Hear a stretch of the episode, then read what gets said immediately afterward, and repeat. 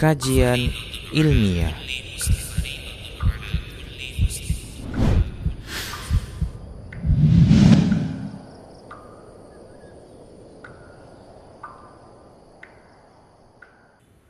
Bismillah, Assalamualaikum warahmatullahi wabarakatuh. Innal hamdalillah nahmaduhu wa nasta'inuhu wa nastaghfiruh wa na'udzu billahi min shururi anfusina wa min sayyiati a'malina من يهده الله فلا مضل له ومن يضلله فلا هادي له وأشهد أن لا إله إلا الله وحده لا شريك له واشهد ان محمدا عبده ورسوله صلى الله عليه وسلم قال الله تبارك وتعالى يا ايها الذين امنوا اتقوا الله حق تقاته ولا تموتن إلا وأنتم مسلمون. يا أيها الناس اتقوا ربكم الذي خلقكم من نفس واحدة وخلق منها زوجها وبث منهما رجالا كثيرا ونساء. واتقوا الله الذي تساءلون به والأرحام إن الله كان عليكم رقيبا. يا أيها الذين آمنوا اتقوا الله وقولوا قولا سديدا. يصلح لكم أعمالكم ويغفر لكم ذنوبكم.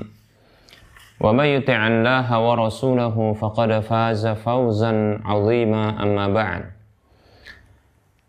فإن أصدق الحديث كتاب الله وخير الهدى هدى رسول الله صلى الله عليه وسلم.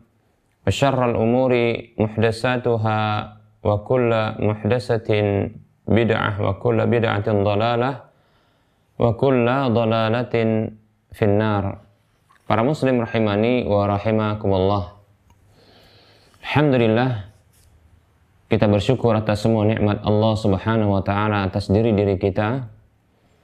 Kemudian selawat dan salam kita ucapkan untuk Rasulullah Shallallahu alaihi wasallam. Para pemirsa Rosyad TV dan para pendengar radio Medan Mengaji, rahimani wa rahimakumullah. Kita akan lanjutkan pembahasan fikih muamalah dan ini kita akan bahas berikutnya terkait dengan masih hibah ya masih membahas tentang masalah hibah baik eh, hibah atau yang kita sebut juga dengan hadiah atau pemberian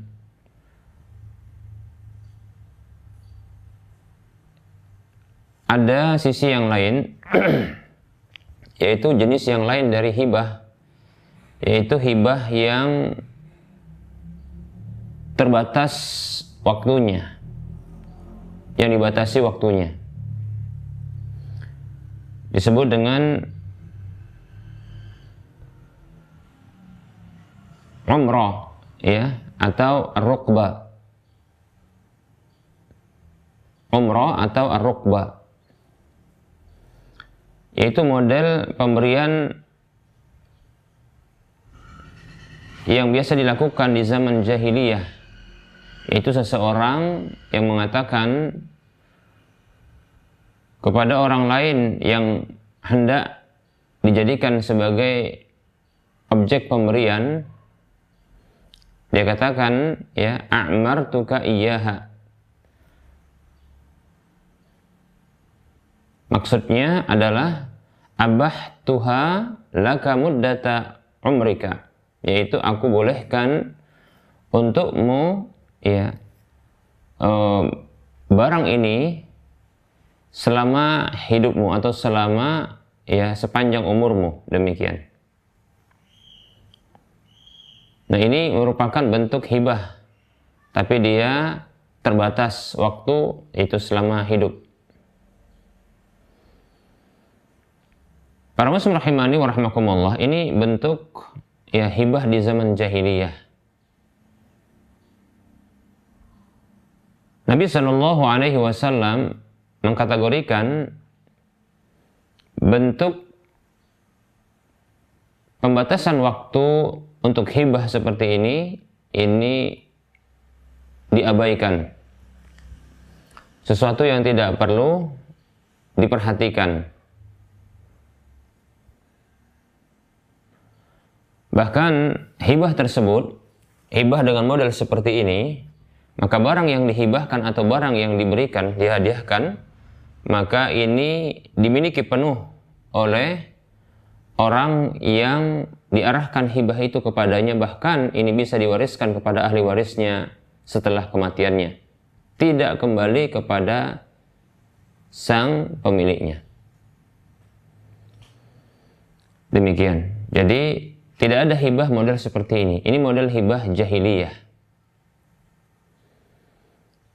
Yaitu menghibahkan ya dengan pembatasan waktu seumur hidupnya. Nanti setelah wafatnya maka akan kembali kepada sang pemilik hibah tersebut atau orang yang menghibahkannya. Demikian. Nah ini kita katakan tadi ya bahwasanya Nabi Shallallahu Alaihi Wasallam ya mengkategorikan pembatasan waktu seperti ini itu diabaikan ya e, tidak perlu diperhatikan sebaliknya bahkan hibah tersebut sah untuk selama ya selama lamanya yaitu diarahkan ya berpindah kepemilikannya kepada orang yang menjadi objek hibah bahkan bisa diwariskan kepada ahli warisnya. Demikian. Ada dalil yang menunjukkan hal tersebut itu hadis dari Jabir bin Abdullah radhiyallahu anhuma ia mengatakan qala Rasulullah sallallahu alaihi wasallam Rasulullah sallallahu alaihi wasallam bersabda al-umrah jaizatun liman u'miruha liman u'miraha wa rukba jaizatun liman urqibaha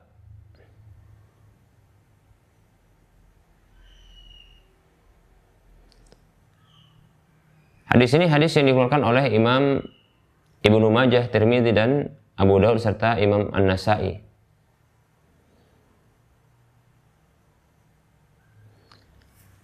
Rasulullah Shallallahu Alaihi Wasallam bersabda, al umrah, ya, al umrah yaitu pemberian dengan berbatas umur tadi, itu adalah jaizah, boleh, ya, bagi orang yang diarahkan kepadanya, artinya dibolehkan seterusnya bagi dia, ya, atau itu al umrah jaizatun liman u'miraha, u'miraha umroh yaitu barang atau e, bentuk hibah yang dia di dibatasi dengan umur itu jaizah. Itu menjadi boleh ya dimiliki oleh orang yang diarahkan hibah itu kepadanya atau pemberi itu kepadanya warukba istilah rukba sama dengan itu ya rukba itu dibolehkan untuk dimiliki bagi orang yang diarahkan ya pada dirinya hibah tersebut. Nah, ini maknanya juga sama ya. Demikian.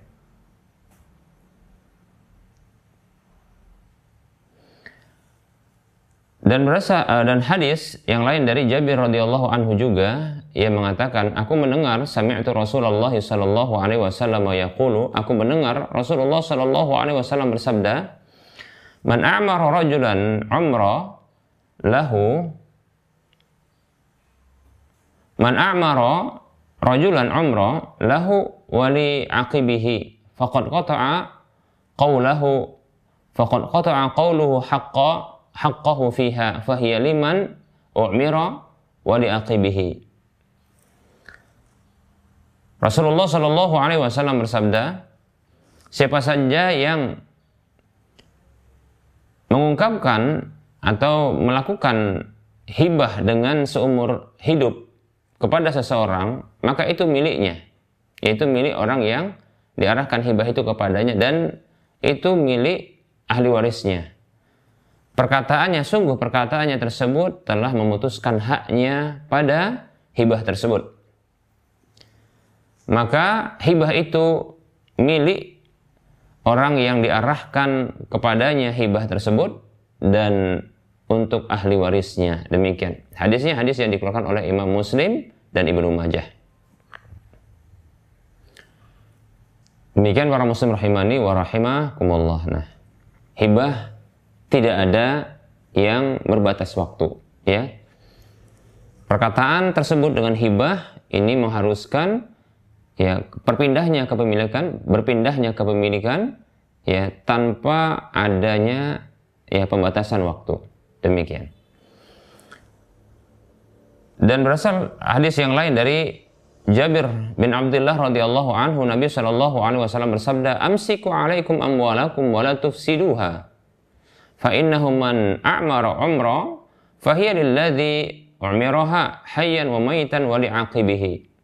hadisnya riwayat Muslim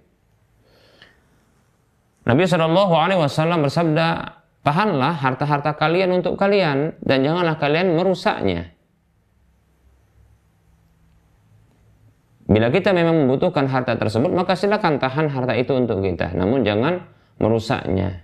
Ya, jangan merusaknya. Di antara bentuk merusaknya adalah dengan cara memberikan hadiah ya dengan berbatas waktu. Nah, ini ya sesungguhnya tidak berlaku ya pembatasan waktu seperti ini karena namanya hibah ya atau e, konsekuensi hibah adalah mengalihkan kepemilikan barang tersebut dari dirinya kepada orang lain. Demikian dan ini terjadi perpindahan kepemilikan dan tidak bisa dibatalkan kecuali ya orang tersebut yang membalikan ya orang tersebut yang menjadi objek pemberian tersebut itu yang mengembalikan kepadanya. Seperti itu. Tidaklah yang muncul dari orang yang telah menghibahkan karena dia telah memutuskan ya atau menghilangkan keberhakan kepemilikan pada barang tersebut dan dialihkan kepada orang lain. Oleh karenanya Rasul mengatakan fa innahum man a'mara umrah karena sesungguhnya siapa saja yang melakukan atau menghibahkan dengan bentuk umrah yaitu apa? Dengan bentuk seumur hidup begitu. Yaitu pemberian yang dibatasi waktu dengan seumur hidup fahiya lilladzi umiraha hayyan wa maitan wa li'aqibihi maka barang tersebut hibah itu itu untuk atau dimiliki orang yang diarahkan hibah itu kepadanya. Baik itu selama hidupnya maupun selama kematiannya dan itu untuk ahli warisnya. Begitu kata Nabi SAW hadis riwayat Muslim. Demikian ya. Makanya ya eh, jangan terpedaya ya. Jangan pula bermudah-mudah untuk menghibahkan dengan seumur hidup lalu nanti bisa balik kepada kita. Itu tidak bisa balik ya.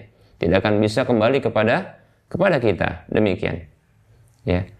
Jika ingin melepaskan harta tersebut dihibahkan kepada orang tertentu maka jangan dibatasi dengan waktu-waktu tertentu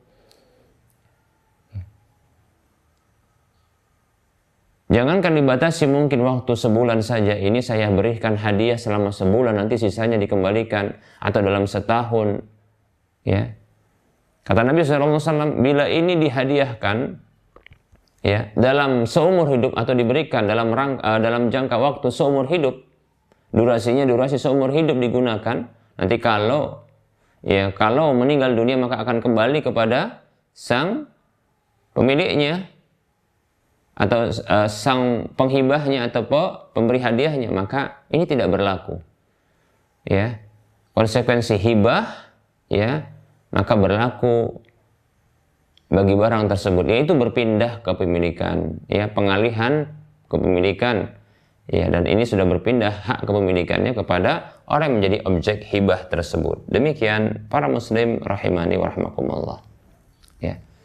Dan yang kita katakan tadi ini bentuk apa bentuk seperti ini adalah bentuk uh, hibah jahiliyah yaitu bentuk menghibahkan barang ya harta itu model jahiliyah. Demikian para muslim rahimani wa rahimakumullah. Baik para muslim rahimani wa rahimakumullah kita akan beralih kepada pembahasan tentang sedekah ya. Pembahasan tentang sedekah. Baik para muslim rahimani wa rahimakumullah. Tentunya uh, ada hubungan antara hibah dengan sedekah. Yaitu ada kesamaan. Kesamaannya adalah pengalihan kepemilikan, ya. Pengalihan kepemilikan atau pemindahan kepemilikan ya dari orang yang memiliki harta tersebut kepada pihak lain, orang lain tanpa adanya tanpa adanya kompensasi, yaitu berbalas tanpa adanya ya imbalan demikian. Nah, ini ada kesamaan. Hanya saja ya, sedekah ini ini terkhusus kepada orang-orang yang membutuhkan, fakir miskin. Demikian, ya.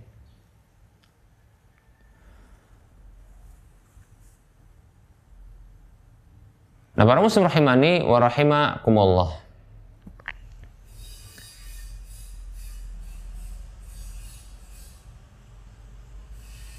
Untuk Nabi Shallallahu Alaihi Wasallam sendiri, sedekah ini haram bagi beliau untuk beliau dapatkan ya. Bagi Rasulullah Shallallahu Alaihi Wasallam sedekah ini tidak dibenarkan ya. Bagi Nabi Shallallahu Alaihi Wasallam untuk mendapatkan sedekah baik itu termasuk sedekah yang wajib seperti zakat maupun sedekah-sedekah yang sifatnya sunat ya Adapun hibah, adapun hibah maka Nabi Wasallam ya boleh untuk mendapatkan hibah. Padahal ini ada kesamaan, ya. Padahal ini ada kesamaan, yaitu sama-sama ya uh, harta yang diarahkan, harta yang diarahkan dipindahkan kepemilikannya kepada orang lain, namun ya ini tanpa adanya imbalan demikian. Nabi Shallallahu Alaihi Wasallam bersabda, Inna sadaqata la tambaghi li ali Muhammadin wa inna hiya awsakhun nasi. Hadis ini hadis yang dikeluarkan oleh Imam Muslim dan An-Nasai.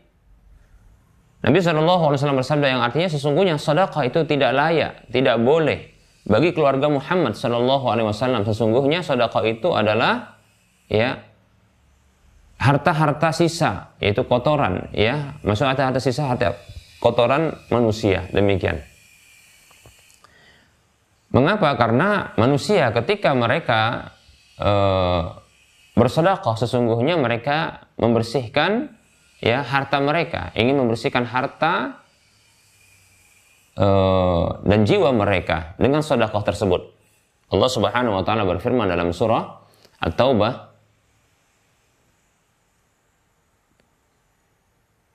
Allah berfirman dalam surah At-Taubah khud min amwalihim sadaqatan tutahhiruhum wa tuzakkihim biha ambillah khud min amwalihim. Ambillah dari harta mereka.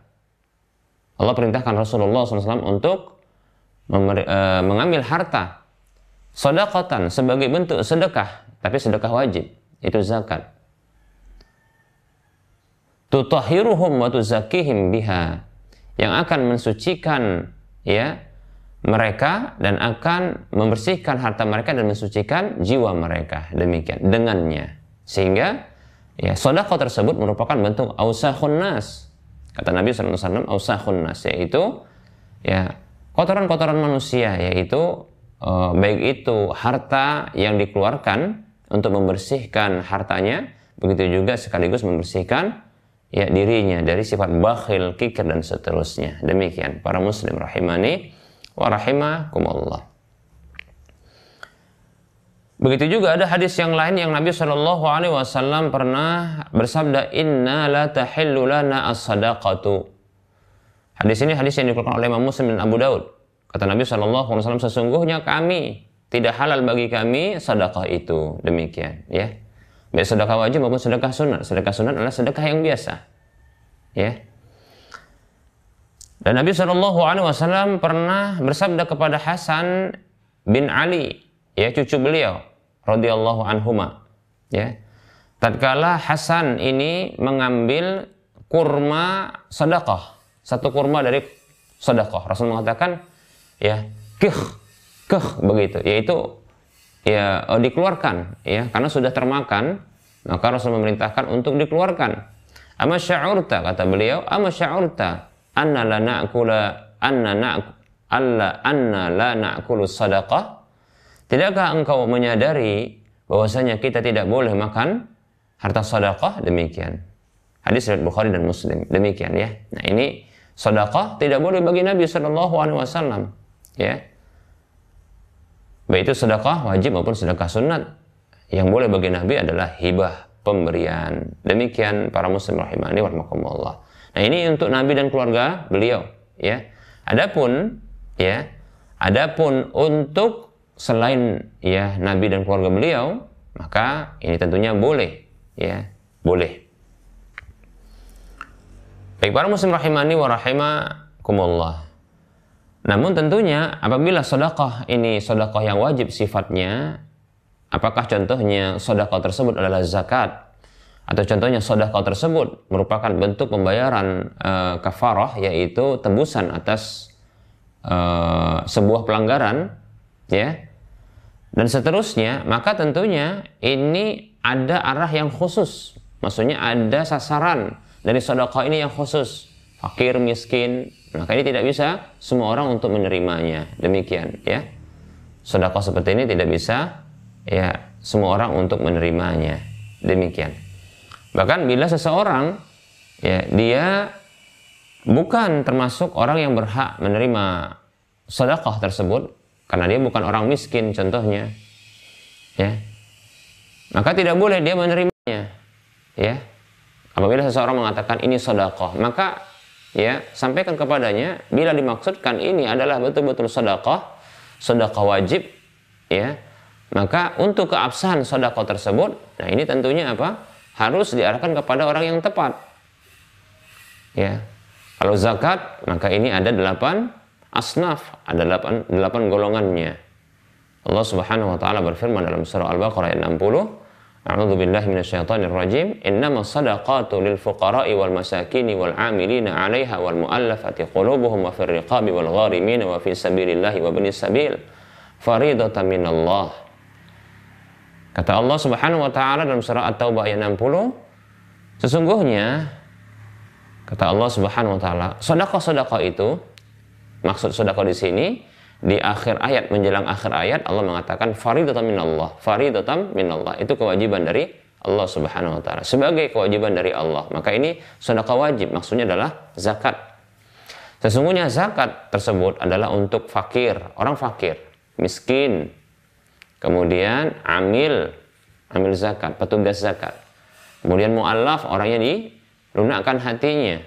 Ya agar bisa menerima Islam atau kuat dalam Islam demikian Kemudian uh, firriqab yaitu orang yang membebaskan budak atau membebaskan dirinya dari perbudakan. Kemudian gharim yaitu orang yang dia uh, terlilit hutang. Kemudian uh, wa orang yang berjihad di jalan Allah. Kemudian yang terakhir adalah orang yang fisabilillah uh, orang yang ibnu sabil ya orang yang terputus bakalnya dalam perjalanan seperti itu.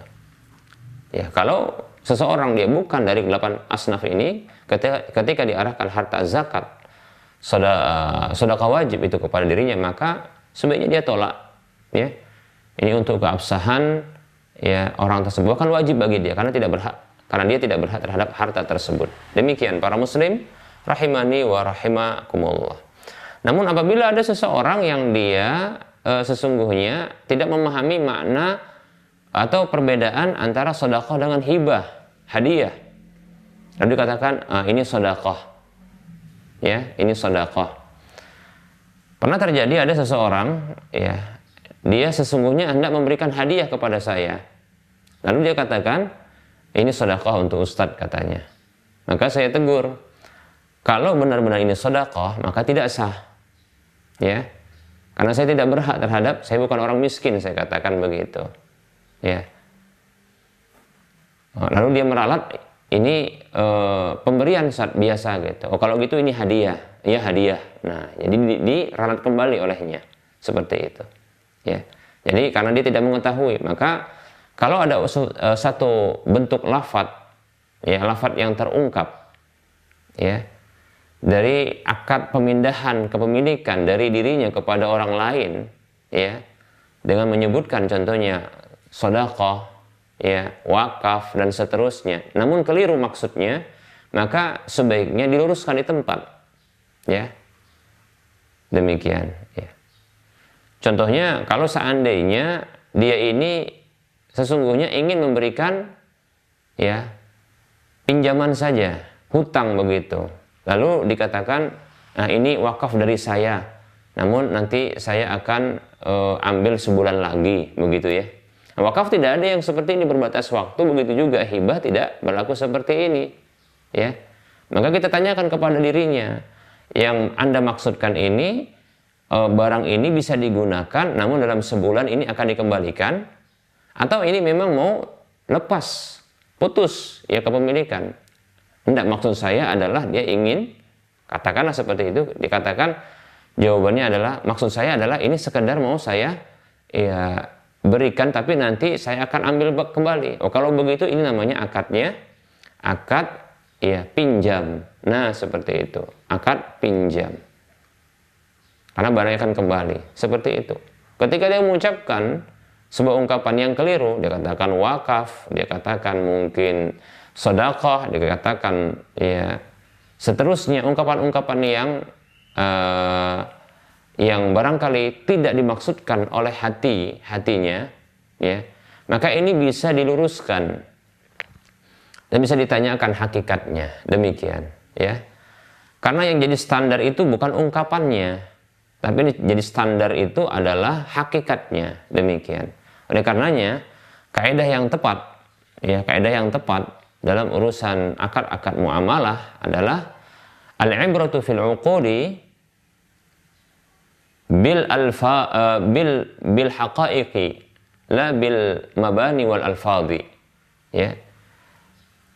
Uh, yang menjadi standar kata para ulama yang menjadi standar dalam akad-akad muamalah itu adalah hakikatnya bukan lafadznya. Ya bukan lafadznya tapi hakikatnya. Kecuali dalam masalah dalam masalah uh, talak ya ketika talak itu lafadznya soreh ya lafadznya soreh jelas. Kalau lafadznya jelas dia gamblang ya maka ini diberlakukan walaupun hatinya tidak bermaksud demikian. Karena Nabi SAW bersabda salah jidduhunna jiddun wa hazluhunna jiddun an-nikah wa talaqu wa raja'atu ya tiga hal yang apabila serius sungguh-sungguhnya maka terhitung sungguh-sungguh main-mainnya juga terhitung sungguh-sungguh. Demikian. Apa itu? Nikah, talak, dan rujuk. Oleh karena jangan main-main. Ya, jangan dipermainkan tiga hal ini. Ya.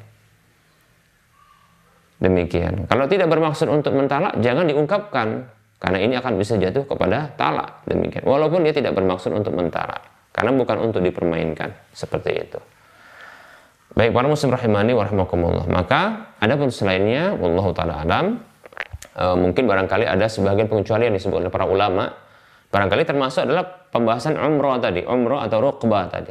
Yaitu umrah, bukan umrah ya, tapi umrah yaitu hibah yang dimaksudkan adalah sampai seumur hidup.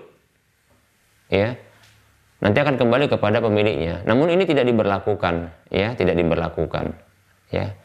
Saya condong sebenarnya ini tidak dibolehkan. Sebenarnya kalau dia ingin memberikan hibah seumur hidup, ya bisa jadi nanti orang yang memberikan hibah tersebut lebih dahulu mati. Demikian. Sehingga orang memberikan hibah ketika sudah wafat, kemudian ya orang yang diarahkan hibah itu kepadanya ya, lebih panjang usianya, nah, sehingga tidak diketahui, tidak ada yang mengingatkan bahwasanya ini ternyata akan kembali. Secara syar'i maka ini tidak dianggap namun ini telah berpindah kepemilikannya kepada uh, orang yang dihibahkan seperti itu ya. Baik para muslim rahimani warahmatullah ya. Seperti itu ya. Jadi uh, kembali kita kepada kaidah tadi bahwasanya ya yang menjadi standar di dalam uh, akad-akad itu adalah hakikatnya bukan lafadznya. Demikian. Hakikatnya bukan lafadznya. Adapun lafadznya bisa keliru ya. Bisa keliru karena manusia memang bisa tempat keliru ya. Seperti itu. Baik para muslim rahimani wa rahimakumullah. Sedekah ini tentunya ya keutamaannya sangat ya besar keutamaannya ya. Nabi Shallallahu Alaihi Wasallam memberikan motivasi yang besar ya. Atau kita katakan ya Allah dan Rasulnya memberikan motivasi yang besar bagi orang yang mau ya e, bersedekah. Allah Subhanahu wa taala berfirman di dalam surah Al-Hadid ayat 18 A'udzu billahi minasyaitonir rajim innal musaddiqina wal musaddiqati wa aqradullaha qardan hasanan yudha'afu lahum wa lahum ajrun karim. Wa lahum ya ajrun karim. Sesungguhnya orang-orang yang bersedekah, baik laki-laki maupun perempuan, dan menghutangkan kepada Allah sebuah hutangan yang baik, ini kita katakan adalah wakaf kemarin ya. Bagi mereka,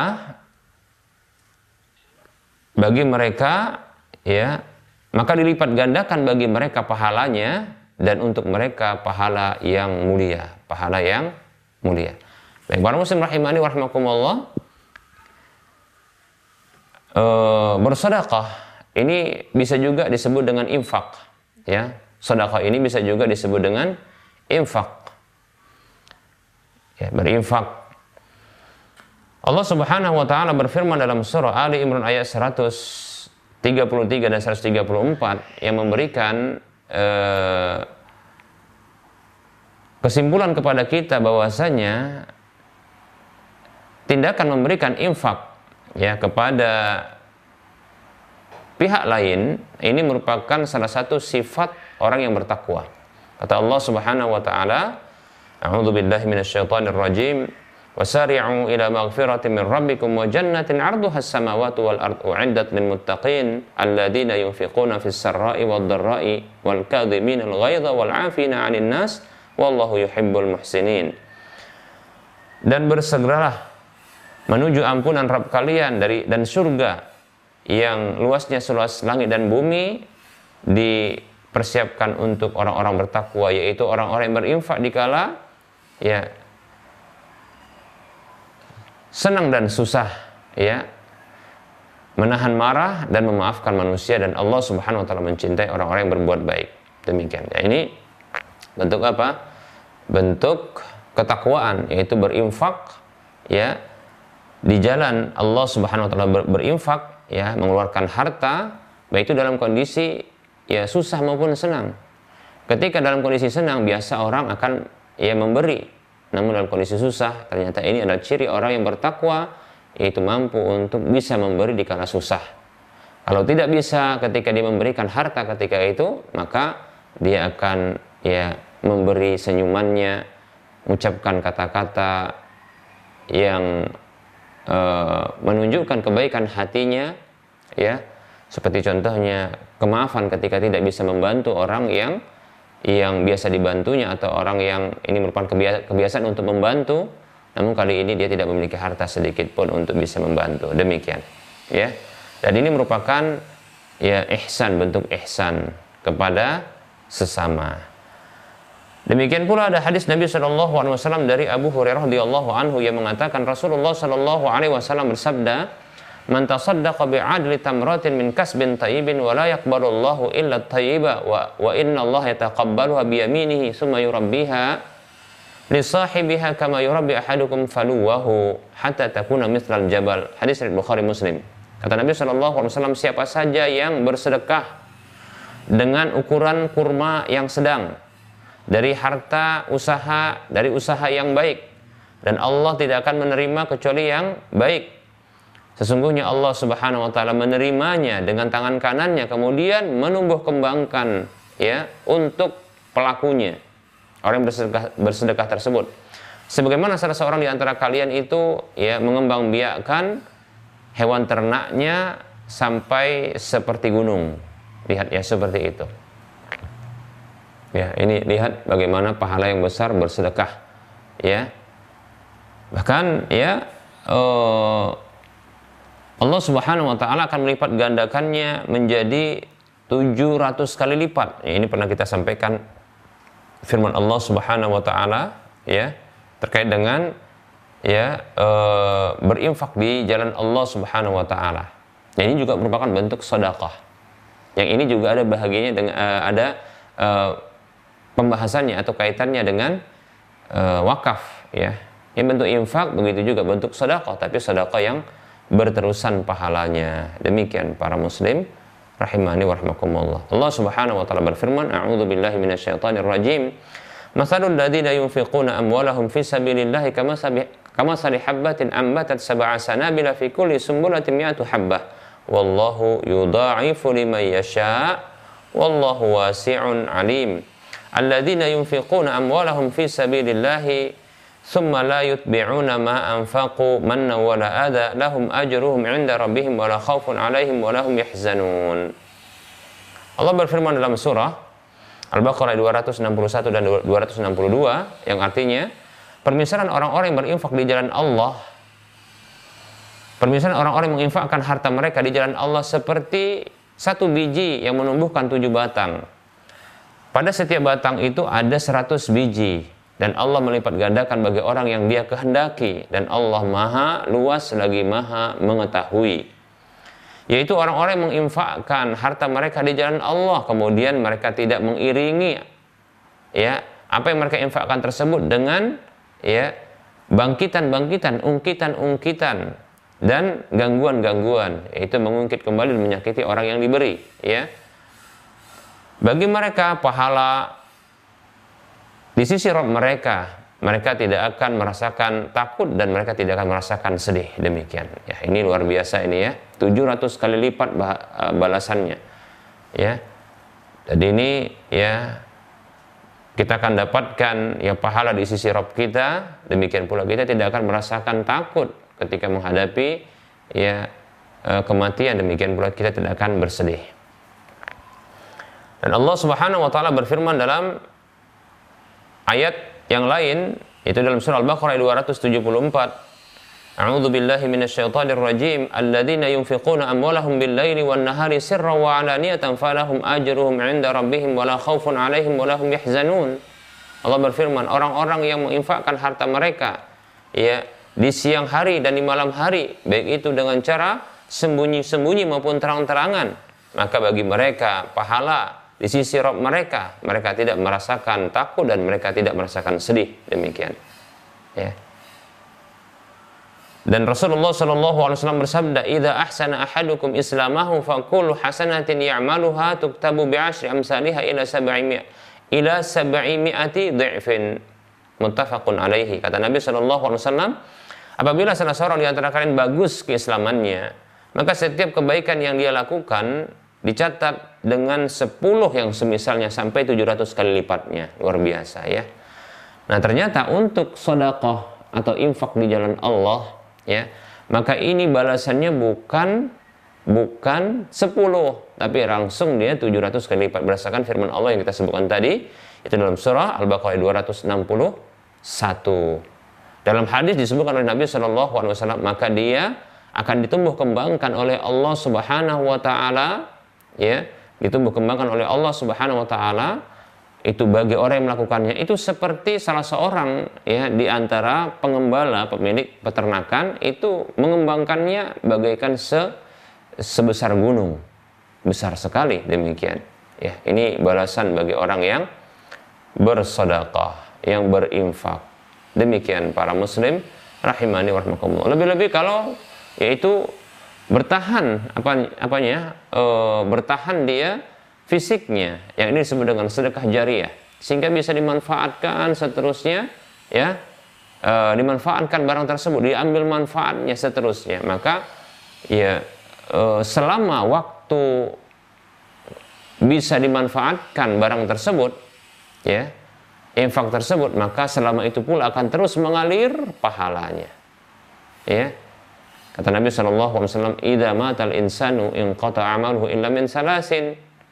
Apabila manusia itu mati, maka terputuslah amalnya kecuali dari tiga jalur. Yang pertama disebutkan, illa min sadaqatin jariyatin. Kecuali dari sedekah jariah, kata Rasulullah SAW. Hadis dari Muslim. Ya.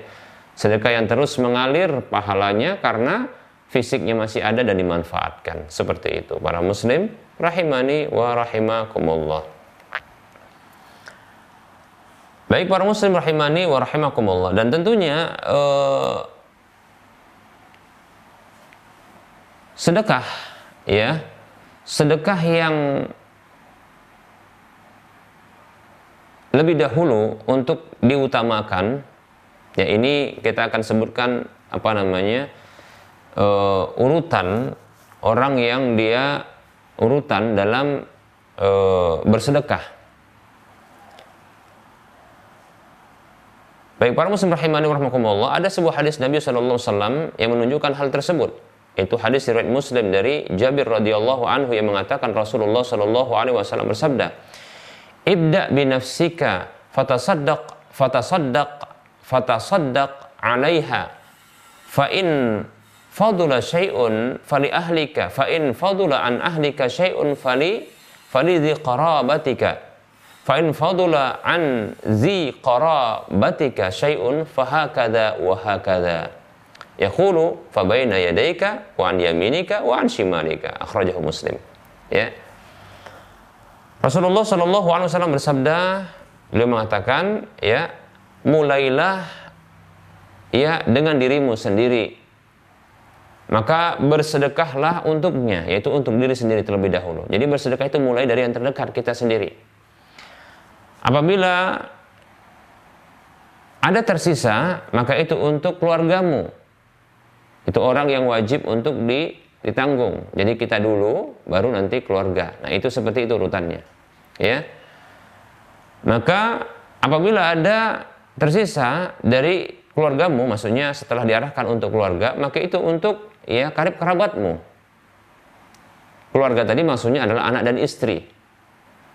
Demikian. Nah setelah itu untuk karib kerabat. Demikian. Maka apabila ada sisa, ada sisa ya dari karib kerabatmu untuk karib kerabat, ya maka demikian dan demikian disebutkan oleh Nabi. Ya maksudnya adalah itu apa yang ada di hadapan seperti tetangga, ya kemudian ada juga yang di samping kanan dan samping kiri demikian seperti itu itu tetangga dan seterusnya ya yang eh, orang-orang uh, lain yang ada di sekitar kita. Demikian. Hadis riwayat muslim. Seperti itu. Para muslim rahimani warahmatullah nah, ini urutan ya bersodakah demikian para muslim rahimani warahimakumullah ya. nah e, bersedekah ya. Bersedekah untuk diri sendiri, nah ini sesuatu yang memang e, tidak dipahami oleh sebagian kita bahwasanya itu termasuk bersedekah. Dalam satu hadis Nabi SAW mengatakan, ya e, bahwasanya apa yang kita berikan makan untuk diri kita maka itu terhitung sedekah. Begitu juga kita berikan makan untuk karib kerabat kita itu sedekah. Kata Nabi SAW, ma'ata amta nafsaka fahuwa laka sadaqah wa ma ata'amta waladaka fahuwa laka sadaqah. Uh, sebelumnya wa ma ata'amta zaujataka fahuwa laka sadaqah. Wa ma ata'amta waladaka fahuwa laka sadaqah. Wa ma ata'amta khadimaka fahuwa laka sadaqah. Atau kama qala sallallahu alaihi wasallam. Rasulullah mengatakan ini ada hubungannya dengan hadis yang kita sebutkan ini. Hanya saja ada tambahan faedah bahwasanya apa yang kita keluarkan ya Bahkan untuk diri kita itu terhitung sedekah. Kata Nabi SAW, apa saja yang kau berikan makan dirimu dengannya maka itu menjadi sedekah bagimu. Lihat ya, sedekah ini. Jadi jangan dikira ketika mungkin kita sudah tiba waktu makan, contohnya makan pagi, sarapan karena lapar, makan siang, makan malam atau sore, maka jangan dikira ini bahwasanya kita ya sia-sia. Tidak, itu terhitung sedekah. Demikian ya. Begitu juga apa saja kata Nabi SAW yang engkau berikan makan untuk ya istrimu maka itu terhitung sedekah bagimu. Dan apa saja yang engkau berikan makan untuk ya anakmu maka itu terhitung sedekah bagimu. Dan apa saja yang engkau berikan makan kepada pembantumu maka itu termasuk sedekah bagimu. Maka itu menjadi sedekah bagimu. Hadis ini dikeluarkan oleh Imam Bukhari dalam Adabul Mufrad. Demikian. Baik para muslim rahimani wa rahimakumullah. Seperti itu ya. Jadi mengeluarkan harta, mengeluarkan harta baik itu untuk diri kita ataupun orang lain maka itu terhitung sedekah ada pahala di sana para muslim rahimani wa rahimakumullah. Ya. makanya jangan pelit bakhil kikir ya. Demikian. Baik para muslim rahimani wa rahimakumullah. Nah tentunya uh, memberikan sedekah setelah, setelah pemenuhan terhadap diri sendiri ya Kemudian begitu juga pemenuhan kepada orang-orang yang wajib kita uh, nafkahi. Nah ini tentunya pahalanya besar ya.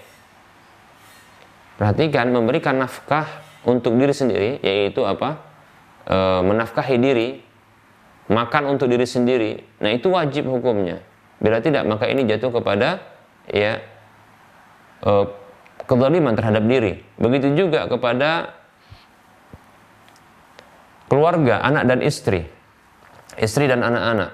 Ya, kata Nabi SAW, ini hadis yang pernah kita sampaikan, kafa bil mar'i isman an yudayyi'a ma. Ya, cukuplah seseorang itu berdosa ia menyanyiakan orang yang dia tanggung ya nafkahnya demikian. Di antaranya adalah anak dan istrinya demikian ya. Baik para muslim rahimani warahmatullah berikutnya adalah tentunya karib kerabat yang sudah kita jelaskan ini disebutkan oleh Nabi Shallallahu Alaihi Wasallam karib kerabat. Bahkan ber, bersodakah, ya, berinfak, memberi kepada karib kerabat, maka ini ada dua pahala yang disediakan oleh Allah Subhanahu Wa Taala. Lewat lisan Rasulullah Shallallahu Alaihi disebutkan, ya kata Nabi Shallallahu Alaihi Wasallam, as-sadaqatu 'alal miskin sadaqatun wa 'ala dirrahimi sintani sadaqatun wasilatun. Kata Nabi Wasallam, ya sedekah kepada orang miskin yang tidak ada hubungan kekerabatan sama sekali, maka itu sedekah saja satu saja pahalanya.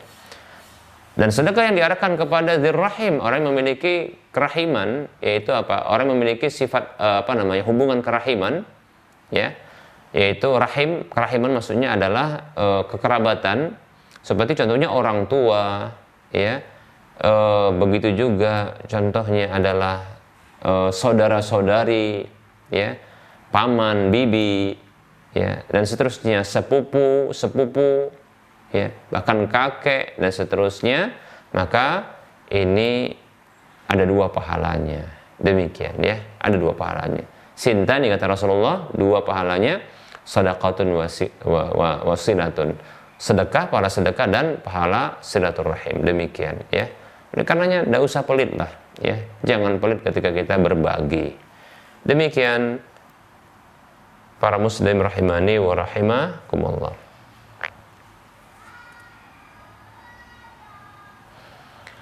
Lalu bagaimana ketika bersedekah ya atau memberikan hadiah kepada orang kafir?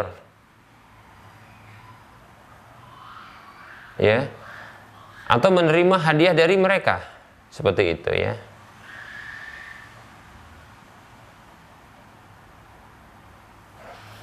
Maka kita katakan sesungguhnya memberikan hadiah kepada orang kafir, ya, orang musyrik, ya,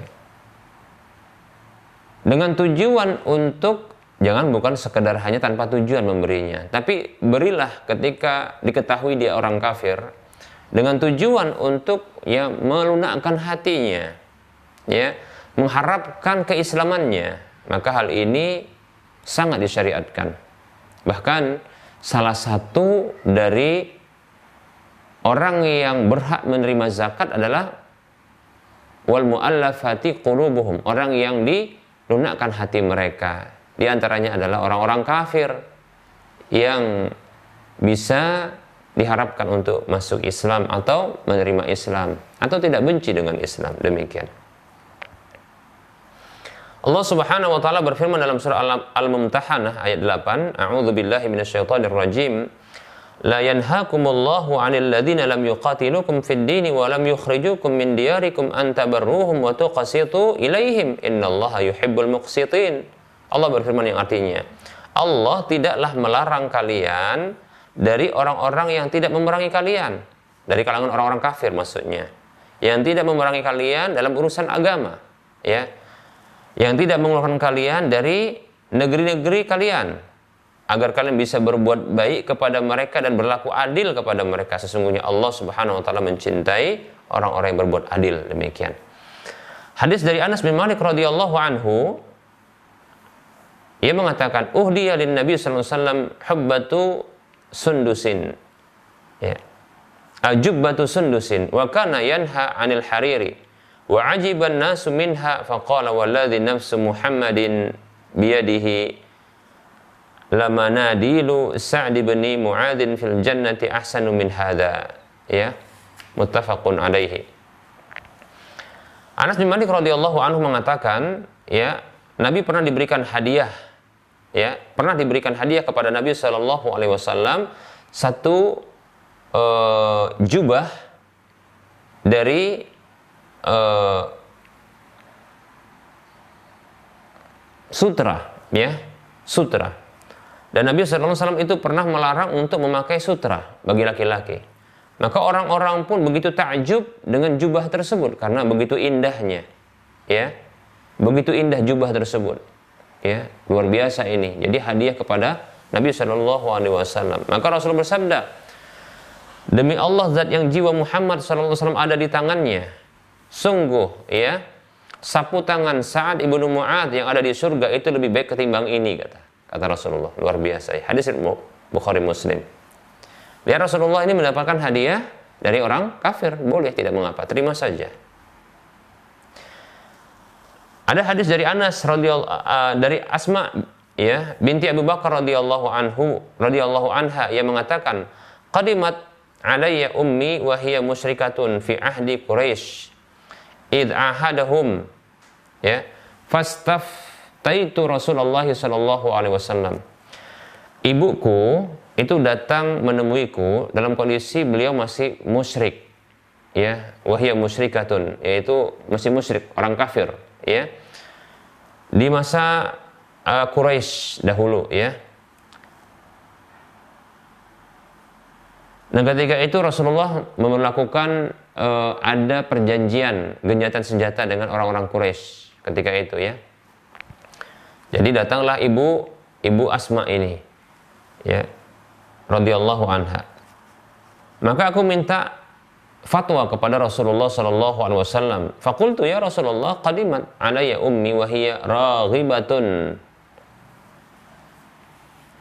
Afa asilu ummi? Ya. Aku tanyakan kepada Rasulullah wasallam, "Wahai Rasulullah, ibuku datang menemuiku dalam kondisi beliau ingin sekali, ya, rindu sekali. Ya. Apakah aku harus menyambung silaturahim kepada ibuku? Afa asilu ummi? Qala maka Rasul mengatakan, "Na'am, sili ummi um, ummaki." Ya. Kata Rasulullah, "Iya, sambunglah tali silaturahim itu kepada ibumu." Lihat bagaimana ya Islam ini luar biasa, ya. Hadisnya riwayat Bukhari Muslim, ya. Kepada orang kafir pun kita masih ya di uh, wajibkan untuk menyambung tali silaturahim ya keluarga-keluarga yang masih kafir demikian. Baik para muslim rahimani wa rahimakumullah. Terakhir yang kita akan sebutkan adalah ya uh, sedekah yang terbaik adalah ya sedekah dalam kondisi ketika kita sehat dan kikir ternyata ya. Seperti itu. Dalam sebuah hadis Nabi Wasallam hadis dari Abu Hurairah radhiyallahu anhu yang mengatakan ja'a rajulun ila Nabi sallallahu alaihi wasallam. Ada seorang laki-laki yang datang menemui Nabi sallallahu alaihi wasallam faqala. Lalu ia mengatakan ya Rasulullah ayu sadaqati a'zamu ajra? Sedekah manakah yang paling besar pahalanya? Qala anta saddaqa. Anta tasaddaqa wa anta uh, sahihun syahihun takhshal faqra wa ta'mulul ghina wala tumhilu hatta idza balagatil hulqum qulta li fulanin kada wa li fulanin kada wa qad kana li fulanin. Muttafaqun alaihi kata Nabi SAW ya yaitu engkau bersedekah dalam kondisi engkau sehat pelit takut miskin ya. Dan berangan-angan kaya terus ya. Dan engkau ya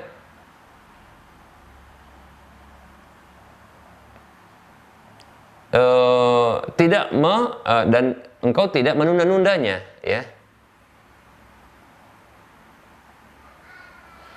Sampai tatkala nyawa itu sampai ke kerongkongan engkau katakan untuk si fulan sekian untuk si fulan sekian padahal itu sudah memang untuk si fulan demikian seperti itu ya jangan kau tunda maksudnya begitu jangan kau tunda sampai apabila nyawa tersebut sampai di kerongkongan Lalu engkau katakan untuk si fulan sekian, untuk si fulan sekian, sementara itu sudah untuk si fulan demikian.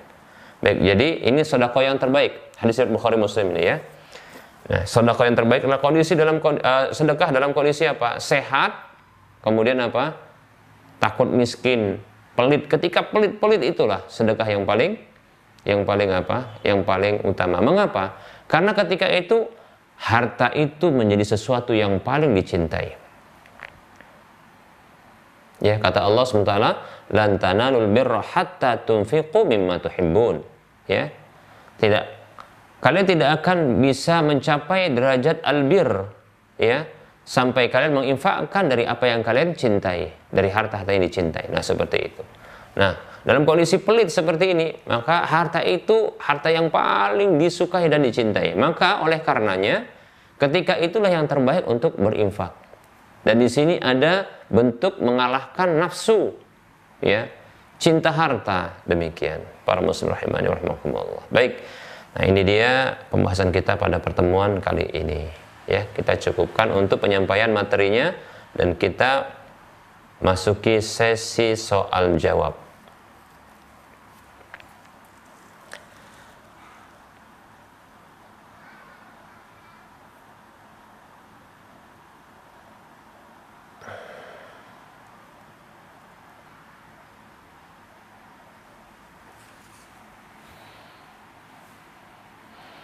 Assalamualaikum Ustaz.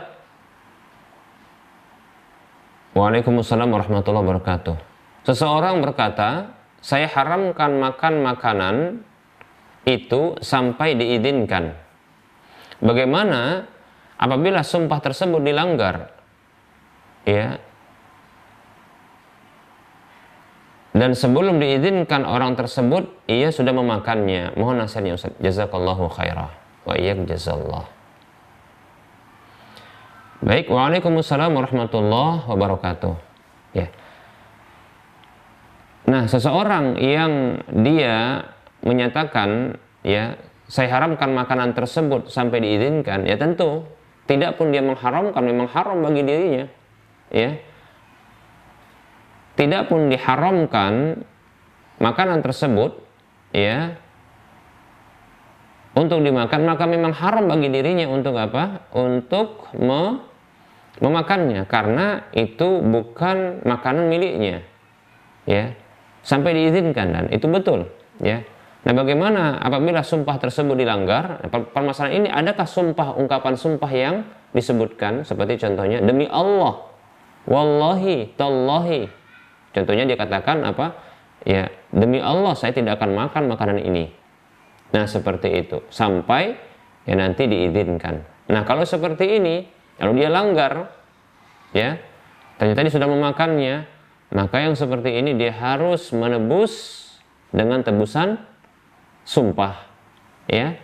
Dia harus menebus dengan tebusan sumpah demikian. Nah, tebusan sumpah itu ya disebutkan dalam firman Allah Subhanahu wa taala bahwasanya ya itu e, bentuk pilihan satu di antara e, tiga yang pertama adalah memberi makan 10 orang miskin, ya, memberi makan 10 orang miskin, atau ya memberi pakaian 10 orang miskin, ya, atau membebaskan budak. Demikian. Ada yang berpendapat ini adalah bentuk urutan, ya. Ada yang juga sifatnya mereka mengatakan ini adalah bukan urutan tapi dia adalah uh, pilihan demikian. Baik, sepertinya pun uh, dilihat saat ini dia bisa juga bentuknya urutan ya. Karena tentunya memberikan pakaian lebih mahal ketimbang memberikan makan kan seperti itu. Sehingga yang pertama itu adalah memberikan makanan 10 orang miskin. Apa itu makanannya itu makan e, untuk satu satu waktunya. Ya. Contoh ya sekali makan diberikan kepada 10 orang miskin. Ya. Contohnya kalau kita e, membeli nasi bungkus ya dengan porsi yang e, cukup e, lengkap dan mengenyangkan ya. Maka lalu diberikan ya dibelikan e, 10 nasi bungkus lalu dibagi kepada orang fakir miskin maka ketika itu sudah ya tertembus sumpah tersebut. Kalau tidak bisa maka memberikan 10 pakaian kepada orang miskin ya. Kemudian kalau tidak e, atau berikutnya adalah membebaskan budak. Nah kalau tidak bisa ketiga-tiganya ya pilihan tersebut maka e, ada pilihan yang terakhir yaitu berpuasa tiga hari berpuasa tiga hari demikian nah ini ya uh, untuk tebusan sumpah tersebut demikian ya wallahu taala a'lam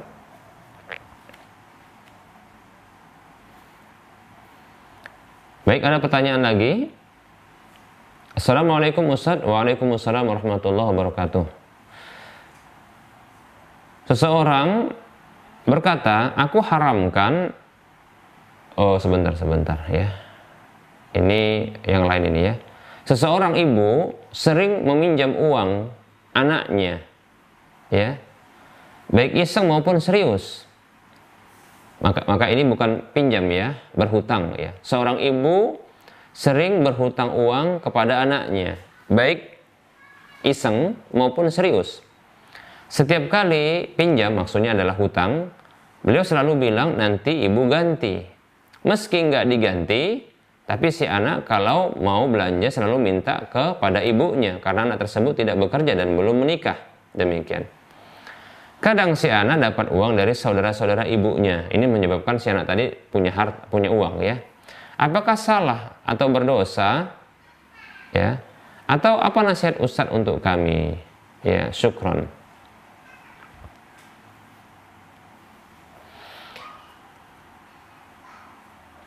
Baik ya. Seorang ibu tentunya ibu adalah orang tua ya.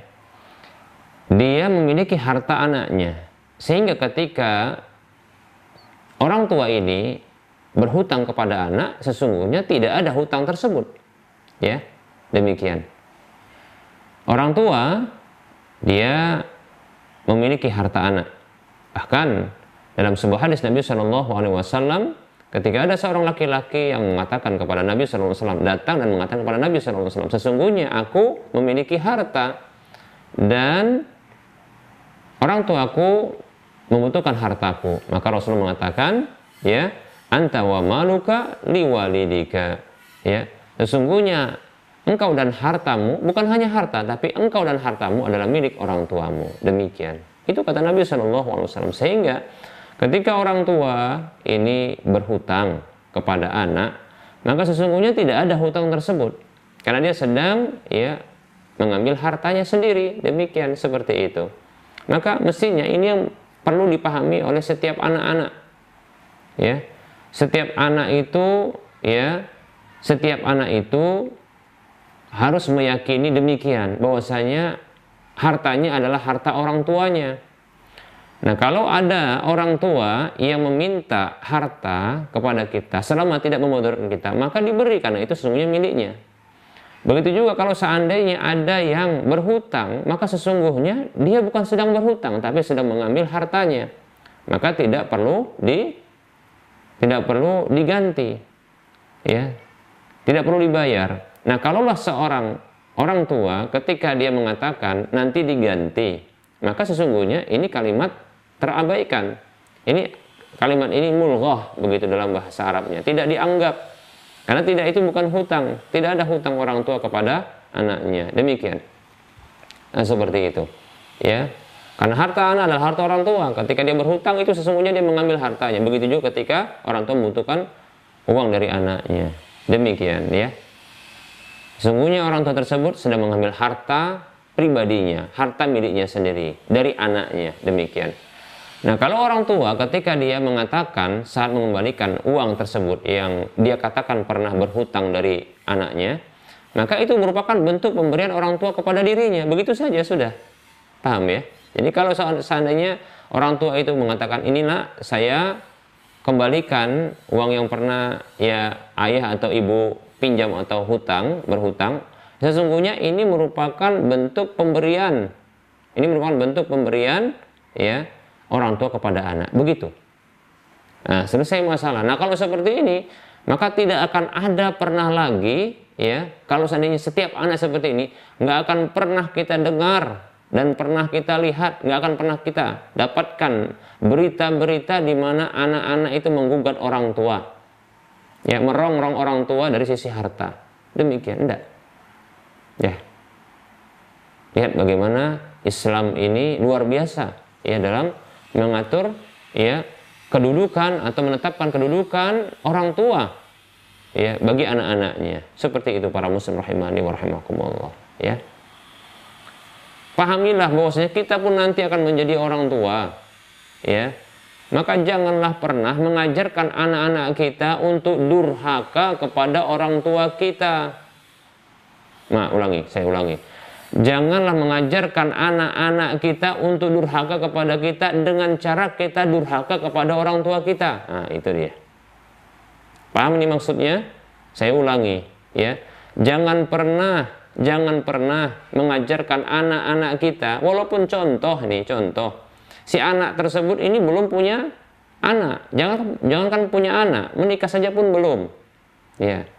Baik, maka kita katakan sesungguhnya ya. Kehidupan ini itu berputar di atas satu kaedah yaitu al jaza min jinsil amal. Balasan itu dari jenis amalnya. Nah kalau kita punya amalan menyusahkan orang tua durhaka sama orang tua ya maka ketahui nanti anak-anak kita itu bisa dijadikan oleh Allah sebagai bentuk pembalasan atas perbuatan kita itu menjadi anak durhaka kepada kita Begitu. Ini harus disadari oleh setiap manusia. Maka ajarkan anak, ajarkan kepada anak walaupun anak tersebut tak melihatnya. Karena belum ada contohnya, karena dia belum menikah. Ajarkan kepada anak kita. Artinya, bagi orang-orang yang barangkali belum menikah atau belum punya anak, ya, letakkan satu karakter ya di dalam apa namanya tubuh kita ini yang akan akan menggenerasikan genetik begitu ya. Sifat genetik bagi anak kelak yaitu sifat kebaikan. Berbakti demikian kepada orang tua. Jangan khawatir kelak akan dibalas oleh Allah Subhanahu wa taala. Dengan menjadikan anak-anak kita itu akan bakti sama kita. Begitu. Paham ya? Nah kita di antara bentuk bakti tersebut adalah meyakini bahwasanya kita dan harta kita itu milik orang tua. Begitu Ya. Ketika orang tua kita minta harta kepada kita, maka tak berat. Begitu. Untuk melepaskannya. Begitu juga ketika berhutang ya kepada kita, maka itu bukan hutang. Sesungguhnya dia minta harta, nanti akan di e, nanti dia akan e, berikan kepada kita lagi. Demikian. Bahkan kita jangan menganggap itu hutang. Itu sudah lepas itu untuk orang tua. Memang itu orang punya orang tua begitu. Hanya saja insya Allah taala ya kita pun harus punya prinsip. Jangan pula kita bebani anak kita, gitu. Jangan memberikan beban kepada anak kita. Tapi setiap kita, kita ketika kita berstatus sebagai anak, maka kita harus punya prinsip apa? Harta kita, kita dan harta kita milik orang tua kita. Itu kata Nabi SAW. Ya. Nah, kalau kita sebagai orang tua, prinsip kita adalah apa? Tidak membebani anak begitu. Biarkan anak sendiri dia ini punya prinsip aku dan hartaku milik orang tuaku begitu. Nah, luar biasa ini. Begitu prinsip yang harus kita miliki. Demikian bisa dipahami? Ya semoga bermanfaat. Sallallahu alaihi Muhammad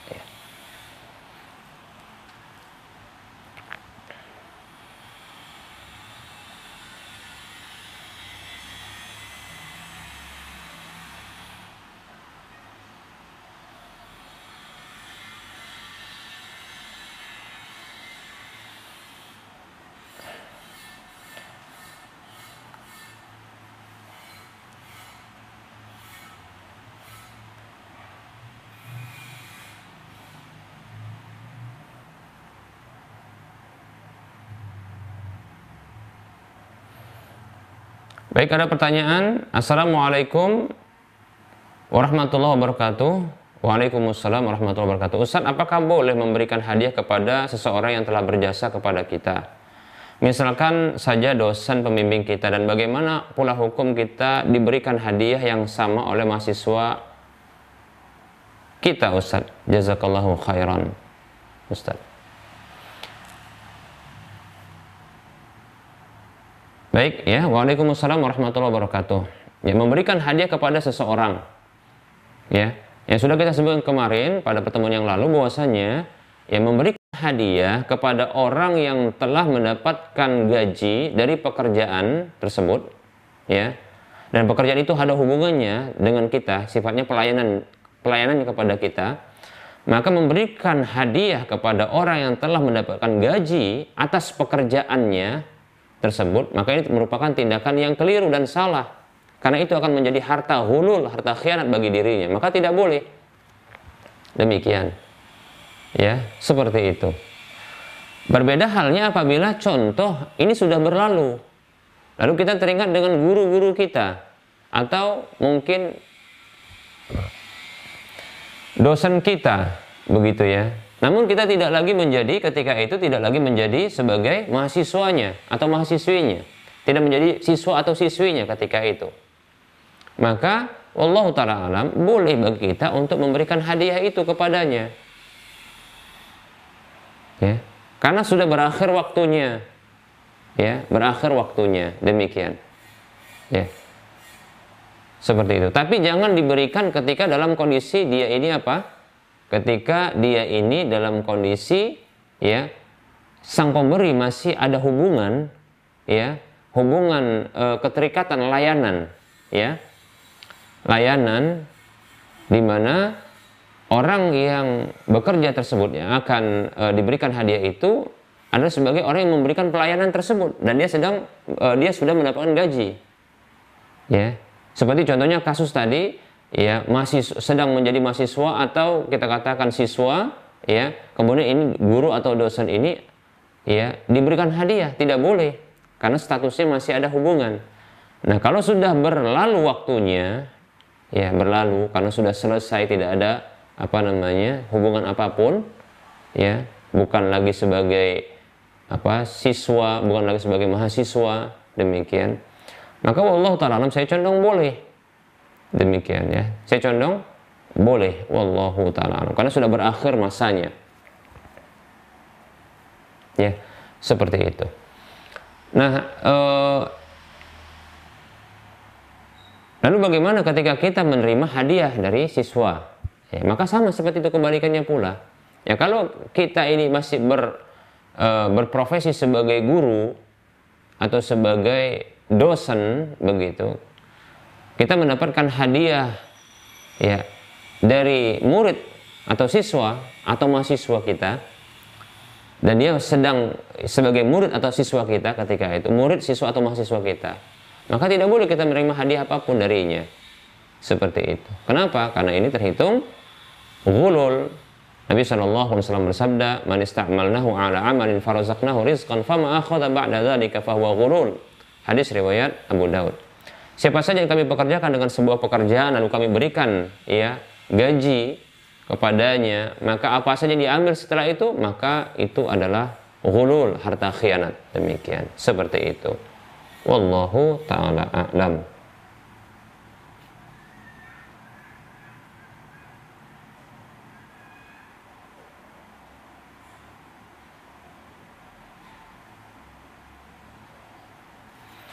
Baik, ada pertanyaan lagi ini.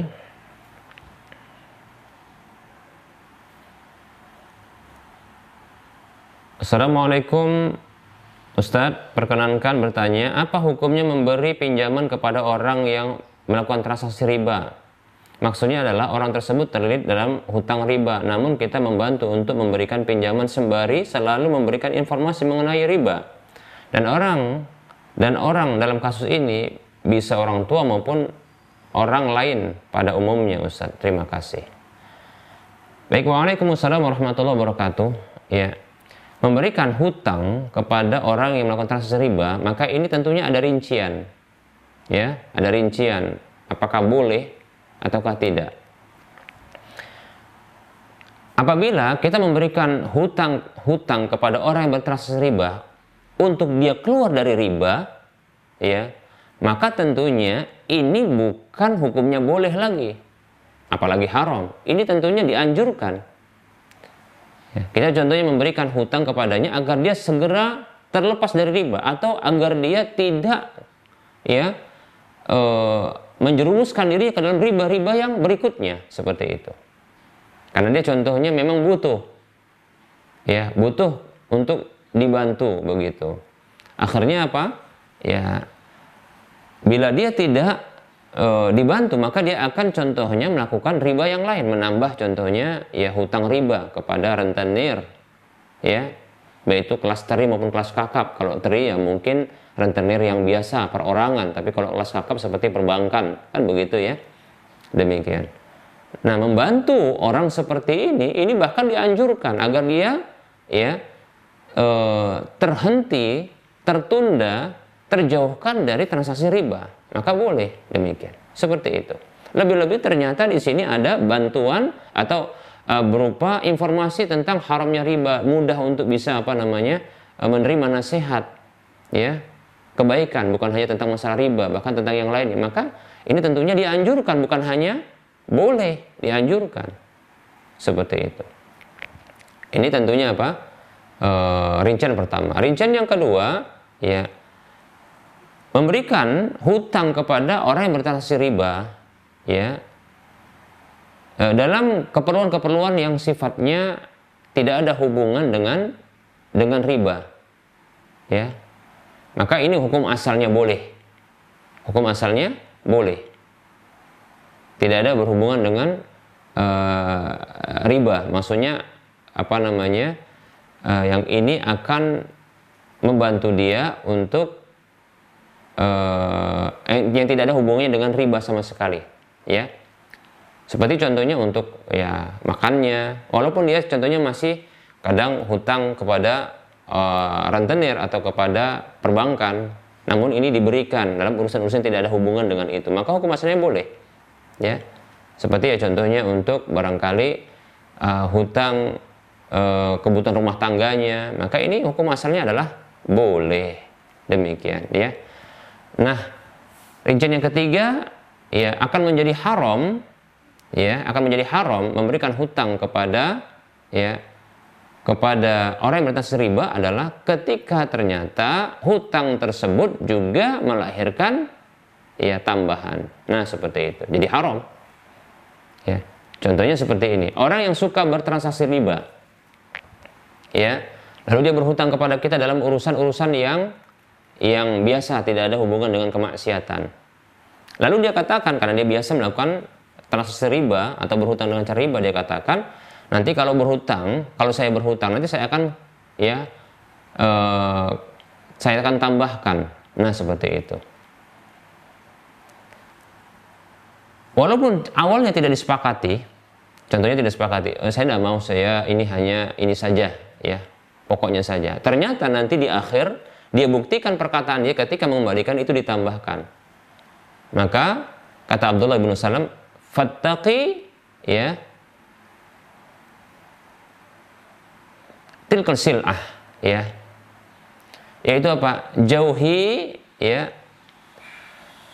uh, keranjang tersebut ya.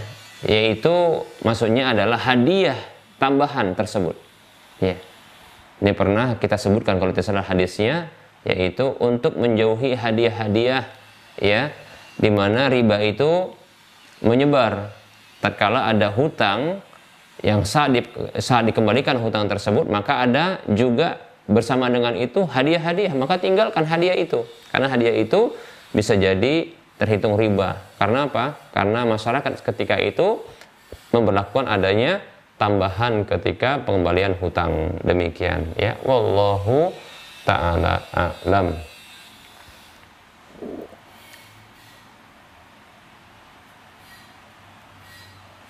Baik, ini yang terakhir ya.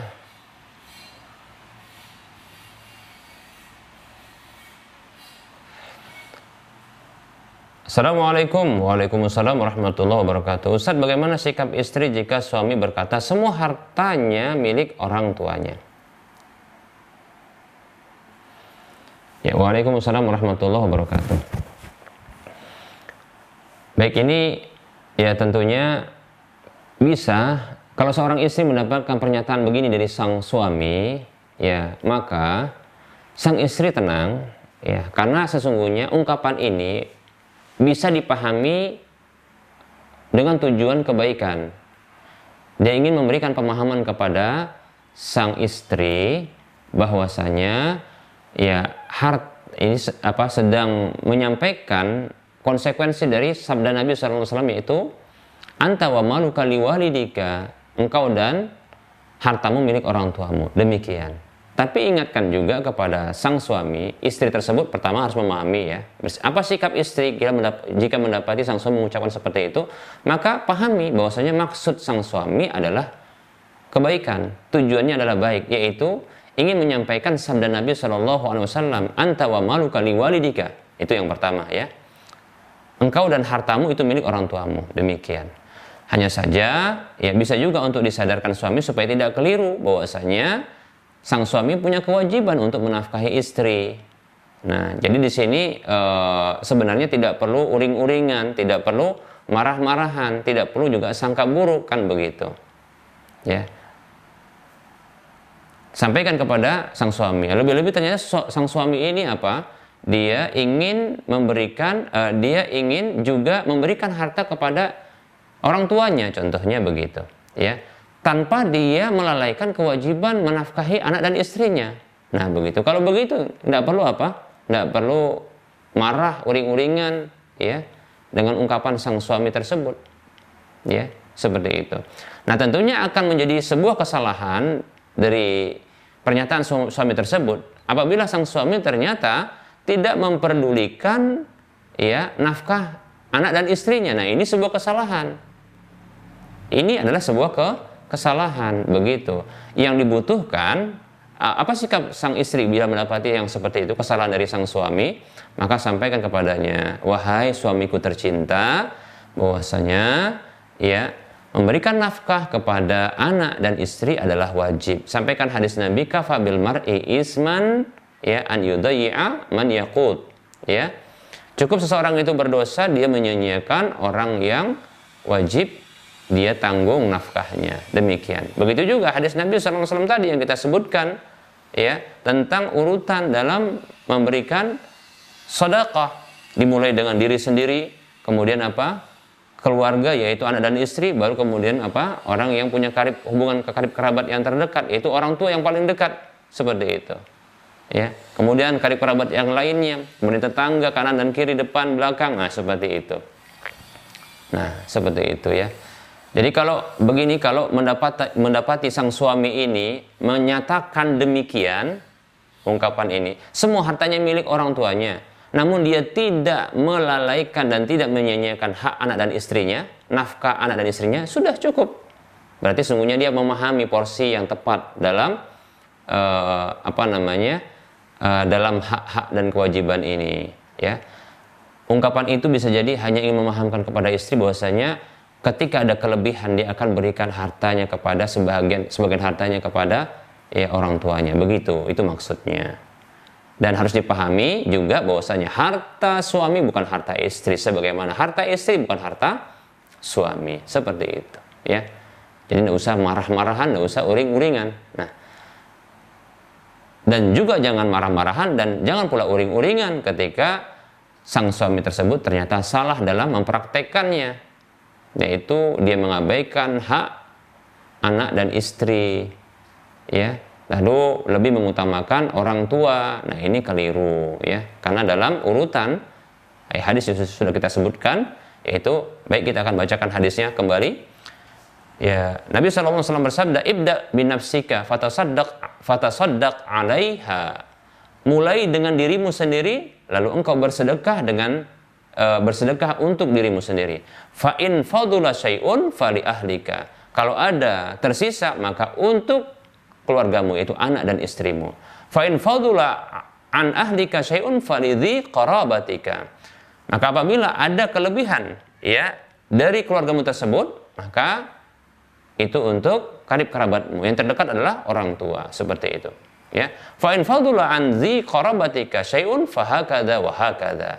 Maka apabila ada ya tersisa dari karib kerabatmu, maka demikian dan demikian. Disebutkan maksudnya adalah fabaina yadaika wa an yaminika wa an shimalika yaitu untuk orang yang ada di hadapanmu, tetangga depan, tetangga kanan dan kiri seperti itu. Tentu belakang juga. Demikian ya, seperti itu. Wallahu taala a'lam. Baik, barangkali kita cukupkan dulu ya penyampaian materi kita ini karena sudah terlalu ya panjang dan lebih dari satu jam ya. Kita cukupkan dan tentunya dalam penyampaian ini ada kekurangan dan kesalahan. Mohon maaf bila ada kekurangan kesalahan. Kepada Allah saya mohon, mohon ampun dan tentunya kebenaran ya semuanya itu berasal dari Allah Subhanahu wa taala ya Wassallallahu ala Muhammad wa ala alihi wa ashabihi ajma'in. Subhanakallahumma wa bihamdika asyhadu an la ilaha illa anta astaghfiruka wa atubu ilaika walhamdulillahi rabbil alamin. Assalamualaikum warahmatullahi wabarakatuh